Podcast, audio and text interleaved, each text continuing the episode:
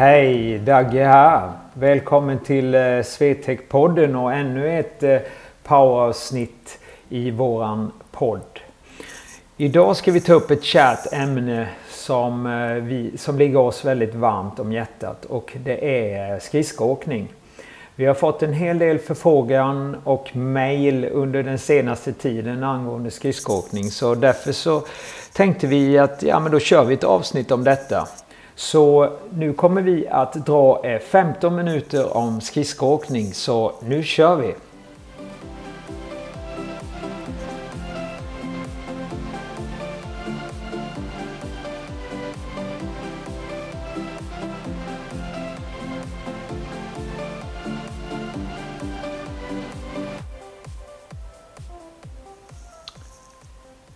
Skridskoåkning är ju en stor del utav ishockeyspelarens vardag.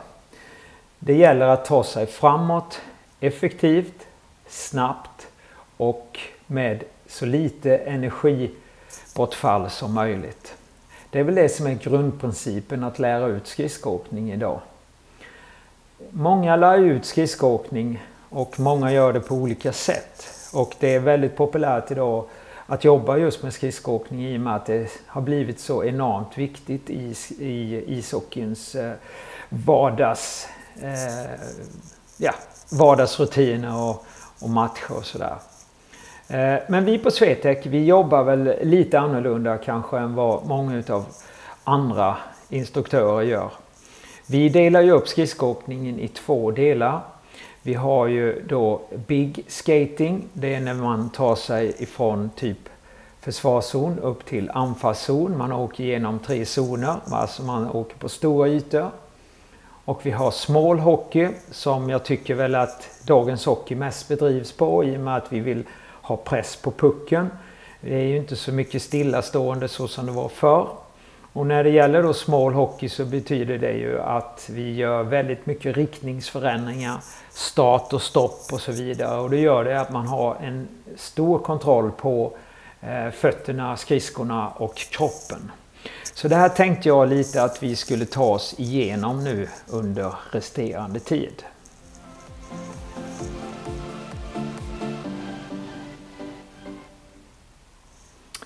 Om vi börjar med Big Hockey så eh, jobbar vi ofta i Big Hockey-utvecklingen eh, på att man ska ta stjärna kanske lite annorlunda än normalt sett.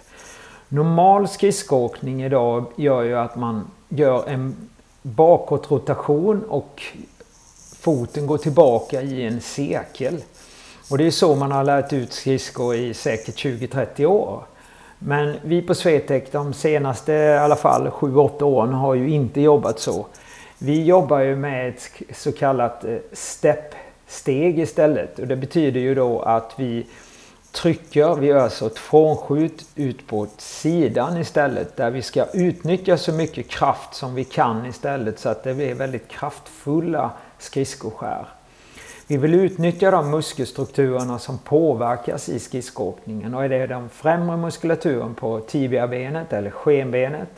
Det är vadmuskulaturen som ni använder när ni sträcker ut foten och så använder ni vadmuskulaturen. Eh, främre delen på låret och baksidan hamstrings och rumpan också, gluteerna. Vi delar upp skenan i fyra nummer. Bak har vi fyran. Själva glidet på skenan är trean och tvåan är under tåfoten, alltså där fot, eh, säger jag. Eh, falangerna utåt då i tårna startar och sen går vi då ut i ettan. Det gör att när vi trycker ifrån med tvåan så får vi ett helt annan förutsättning i kraftutväxlingen än vad man får när man använder då traditionella tåkicken. Vi använder också överkroppen i åkningen oavsett om vi har puck eller om, om vi behandlar pucken. Och det gör ju att vi använder armarna framåt bakåt. Och det gör vi både i baklänges och i framlänges. Eh, dagens hockeyspelare när de kommer till oss har ju ofta en rotation i kroppen och det gör ju också att man är lite sårbar när det gäller att törna, alltså när man får någon som går på en och sådär. Att man får då en rotation och inte kan hålla den rotationen så ofta då så ramlar man. Eh, vi har ju hela den processen så vi lär dem ju både vid sidan om, alltså fysiskt sett så tränar vi dem i rotationer och jobbar inte så mycket med raka rörelser. Så att man integrerar det indirekt. Och sen då när vi åker skridskor då så jobbar vi med att armarna går framåt, bakåt. Vi vill ju inte ha den här rotationen i kroppen då. Vi vill ju ha eh, kontroll i situationen när vi jobbar med den. Hela tiden.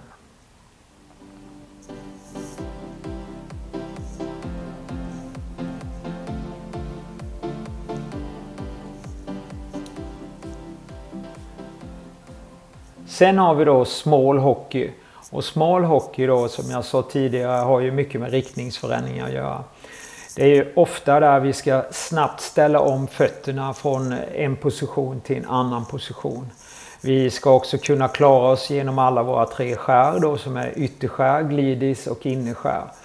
Tyvärr ser alldeles för många spelare på ett innerskär och det gör ju att man låser fast sig i isen på ett lite annat sätt. Det gör ju att man blir mer stillastående och man har svårare att ta sig i snabba rörelser helt enkelt. Här tränar vi ju på att lära kroppen att hantera de här rörelserna på ett bra sätt. Och då gör vi ibland genom en springboard. Så man tar sats, hoppar, landar och lär sig att kontrollera rörelserna. Vi lär också ut hur man hoppar så att man inte ska påverka eller skada sina knä. Eh, det här kombinerar vi ofta i våra eh, övningar som gör då att det blir lättare att pussla in det sen i själva matchsituationsliknande övningar. Och det gör ju att spelarna får en högre motivationsfaktor när vi tränar de här bitarna. Det som också är viktigt att tänka på det är ju att den fysiska eh, träningen är ju jätteviktig i skridskoinlärningen. Om jag inte skapar förutsättningarna och transfer i fysträningen så är det svårare för mig att utveckla isen. Och det här har jag sagt jättemånga gånger. Tyvärr är det alldeles för få hockeyspelare som förstår innebörden utav fysträningens påverkan utav teknikutvecklingen på isen. Utan man ser isen som en, en eh, viktig del och kanske som en isolerad del. Istället för att man förstår att båda delarna är lika viktiga och framförallt är väl fysiken lite viktigare kanske just för att jag ska få det optimala läget helt enkelt på isen.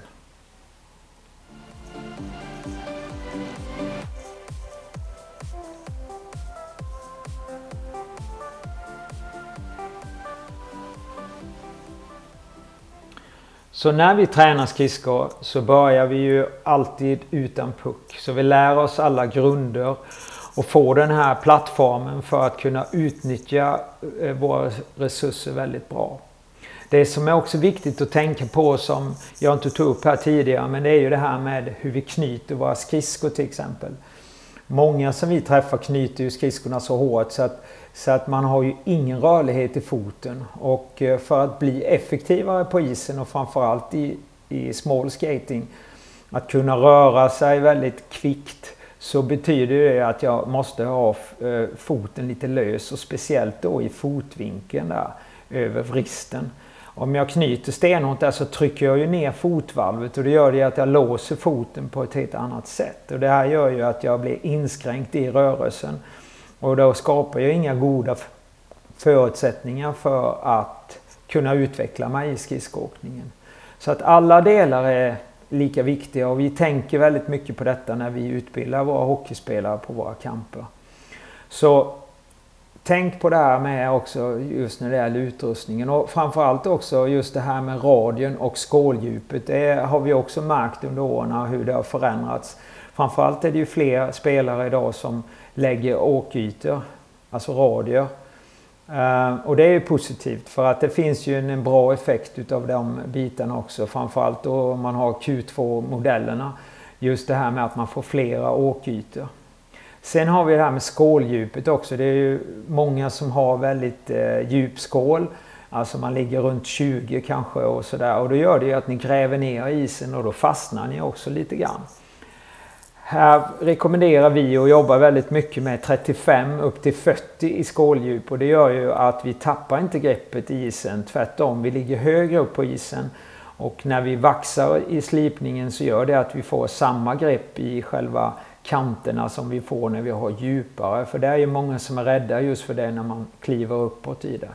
Men det är inga alls problem. Så här finns det ju många ingredienser att ta upp och utveckla Eh, när det gäller skridskoutvecklingen.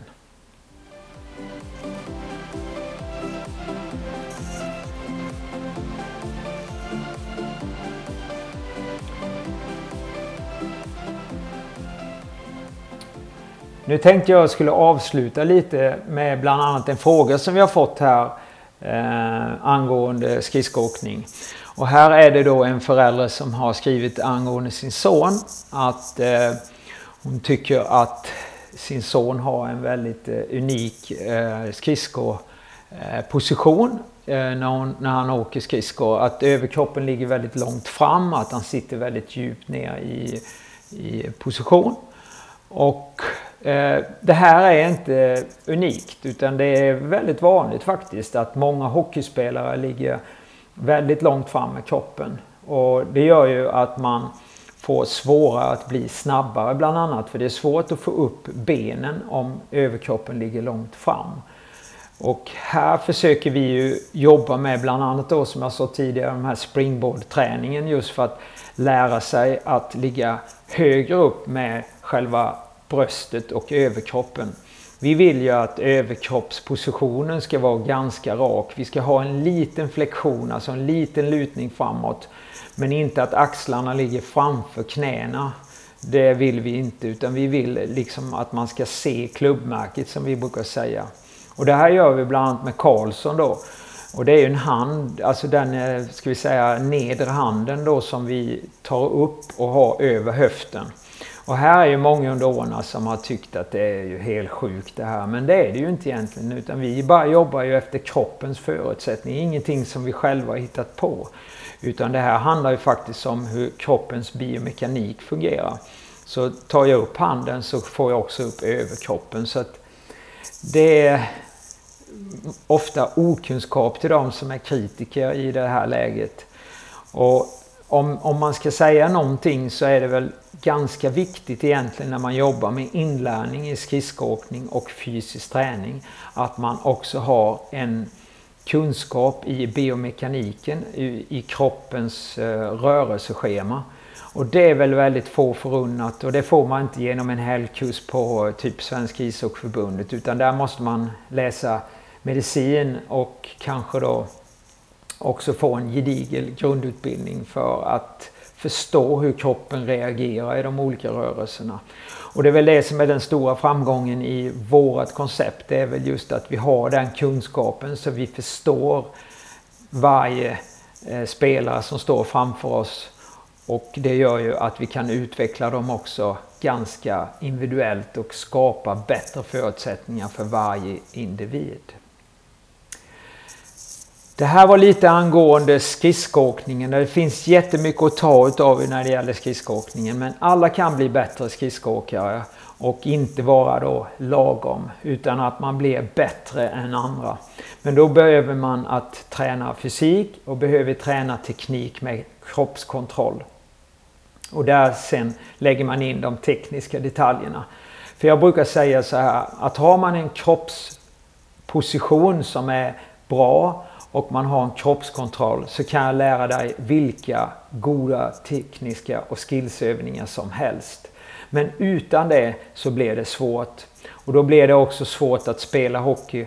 Och tyvärr då så blir det att du kommer att sluta med ishockeyn för att du inte tycker att det blir motiverande eller roligt när du får spela mindre desto äldre du blir. Så som avslutning så vill jag säga till dig som lyssnar att för, förkovra dig och bli bättre i skridskoåkningen.